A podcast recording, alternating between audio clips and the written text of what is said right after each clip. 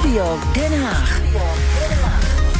Een demissionair kabinet, terwijl er een groot en dik stikstofdossier ligt. Dat schreeuwt om opgelost te worden.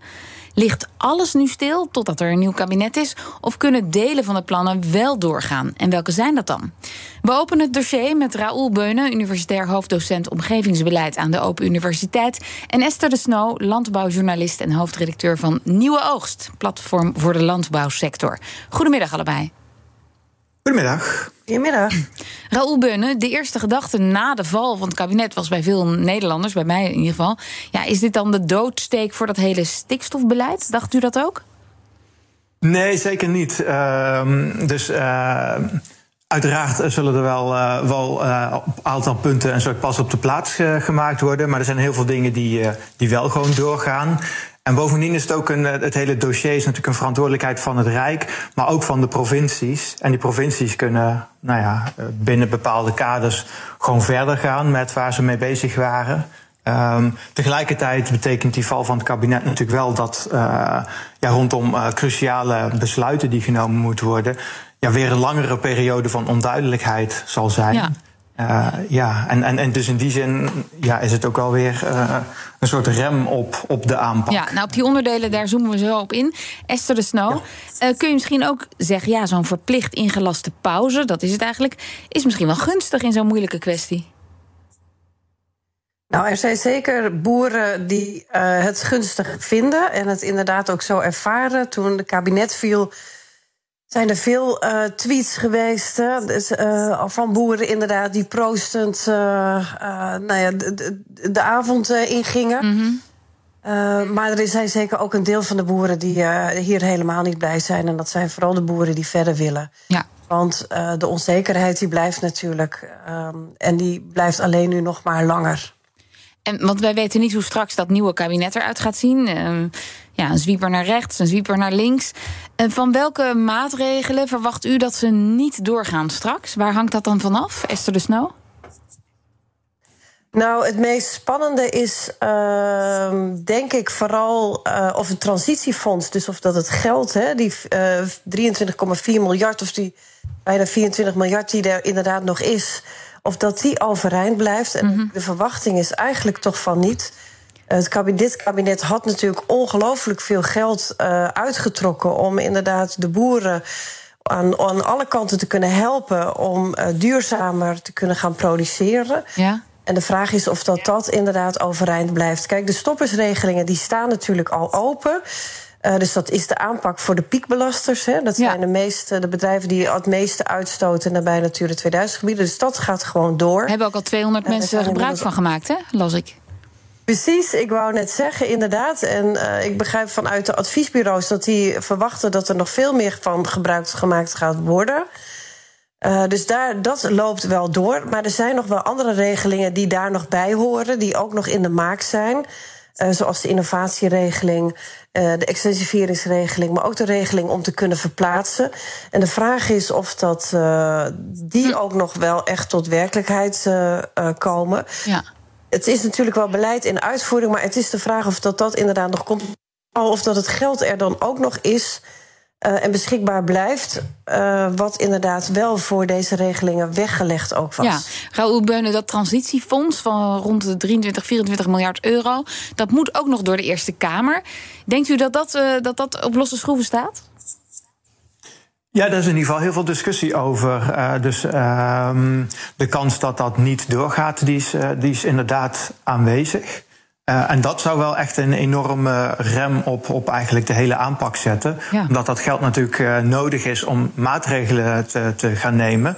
Nou, de provincies die hebben nu eigenlijk allemaal afzonderlijk een plan gemaakt van wat willen wij gaan doen om zeg maar, vanuit onze provincie een bijdrage te leveren aan, aan die oplossingen. Daar hoort ook een kostenplaatje bij. Nou ja, wat de provincies vragen is al bijna twee keer zoveel dan wat beschikbaar was gesteld. Ja, je kunt je voorstellen als er dus discussie komt over gaan we dat hele uh, fonds en, en die, dat budget wel of niet ter discussie stellen. Ja, dat ook die provincies weer terug bij af zijn. Want ja, die zijn afhankelijk van dat geld voor uh, het realiseren van uh, veel van die maatregelen. Ja, en, en dat, de opkoopregeling, de onteigeningsprocedures, dat, dat was al een heel gevoelig punt in dat hele dossier. denkt u dat die gaan sneuvelen? Nee, die, die is nu opengesteld. Nee, wat er net ook al genoemd werd, daar is veel belangstelling voor. Dus uh, zolang ja, het daar, dat budget wat daarvoor gereserveerd is beschikbaar is, kan die uh, gewoon doorgaan. en dat kan niet teruggedraaid worden bij een nieuw kabinet? Ongetwijfeld is dat. Uh, nou ja, kijk, ik denk wel dat gemaakte afspraken, dus afspraken die nu gemaakt worden, die zal ook het nieuwe kabinet uh, waar moeten maken. Maar stel dat die regeling nog niet helemaal uh, uitgeput is, mm. ja, dan kan ik me best voorstellen dat een nieuw kabinet zou kunnen besluiten van oké, okay, we, we, zetten hem stop. Ja. Um, ik en... verwacht dat niet, want ik denk ja, dat is eigenlijk de makkelijkste manier om stappen te zetten. Dus.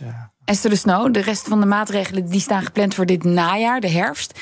Blijven die staan? En is dat ja. nog wel aan het demissionair kabinet om die uit te voeren? Ja. Ja, dat zijn de maatregelen die ik inderdaad net noemde. Hè, voor innoveren, extensiveren en verplaatsen. Uh, ik heb begrepen vanuit het ministerie dat die uh, uitwerking gewoon doorgaat. Uh, maar inderdaad, het is vooral spannend of dat die uh, transitiefonds of dat, uh, en de, de stikstofwet, of dat die ook daadwerkelijk dus door de Eerste Kamer heen gaat komen. En dan is het ook vooral wel heel interessant de positie die de BBB inneemt in de Eerste Kamer. Ja. we hebben natuurlijk heel veel BBB-coalities ook in de provincies. Uh, die staan allemaal nu aan de lat om inderdaad dat beleid uit te gaan voeren. Ze hebben ook gezegd dat ze dat ook willen. Dat ze zich conformeren aan de wet zoals die er inderdaad ook gaat komen.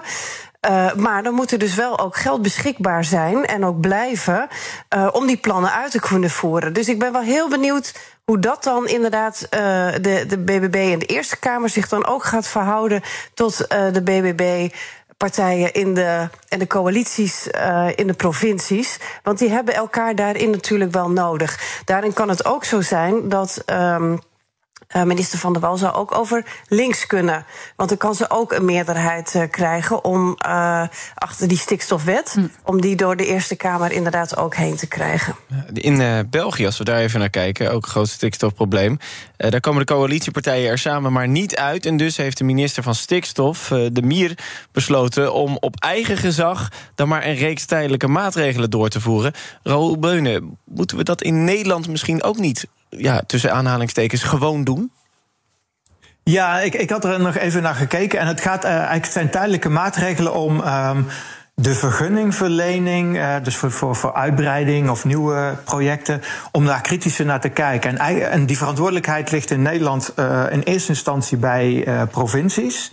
Uh, en bijvoorbeeld provincie Brabant heeft zoiets natuurlijk ook al gedaan door te zeggen van hé, hey, maar wij, wij ja. stoppen even met die vergunningverlening, want ja, het is allemaal te onzeker, er zijn te veel problemen, ecologisch en juridisch. Dus ja, in zekere zin uh, is, is, is dus zoiets in Nederland natuurlijk ook aan, uh, aan de gang. Um, ja, en zeg maar, om te voorkomen dat je zeg maar, heel lang in die situatie zit, want dat is voor bijna niemand is dat wenselijk. Ja, is, is het eigenlijk zo belangrijk dat er stappen worden gemaakt. Uh, en ja, daarvoor is die, dat, dat, dat fonds uh, natuurlijk weer uh, ja. cruciaal.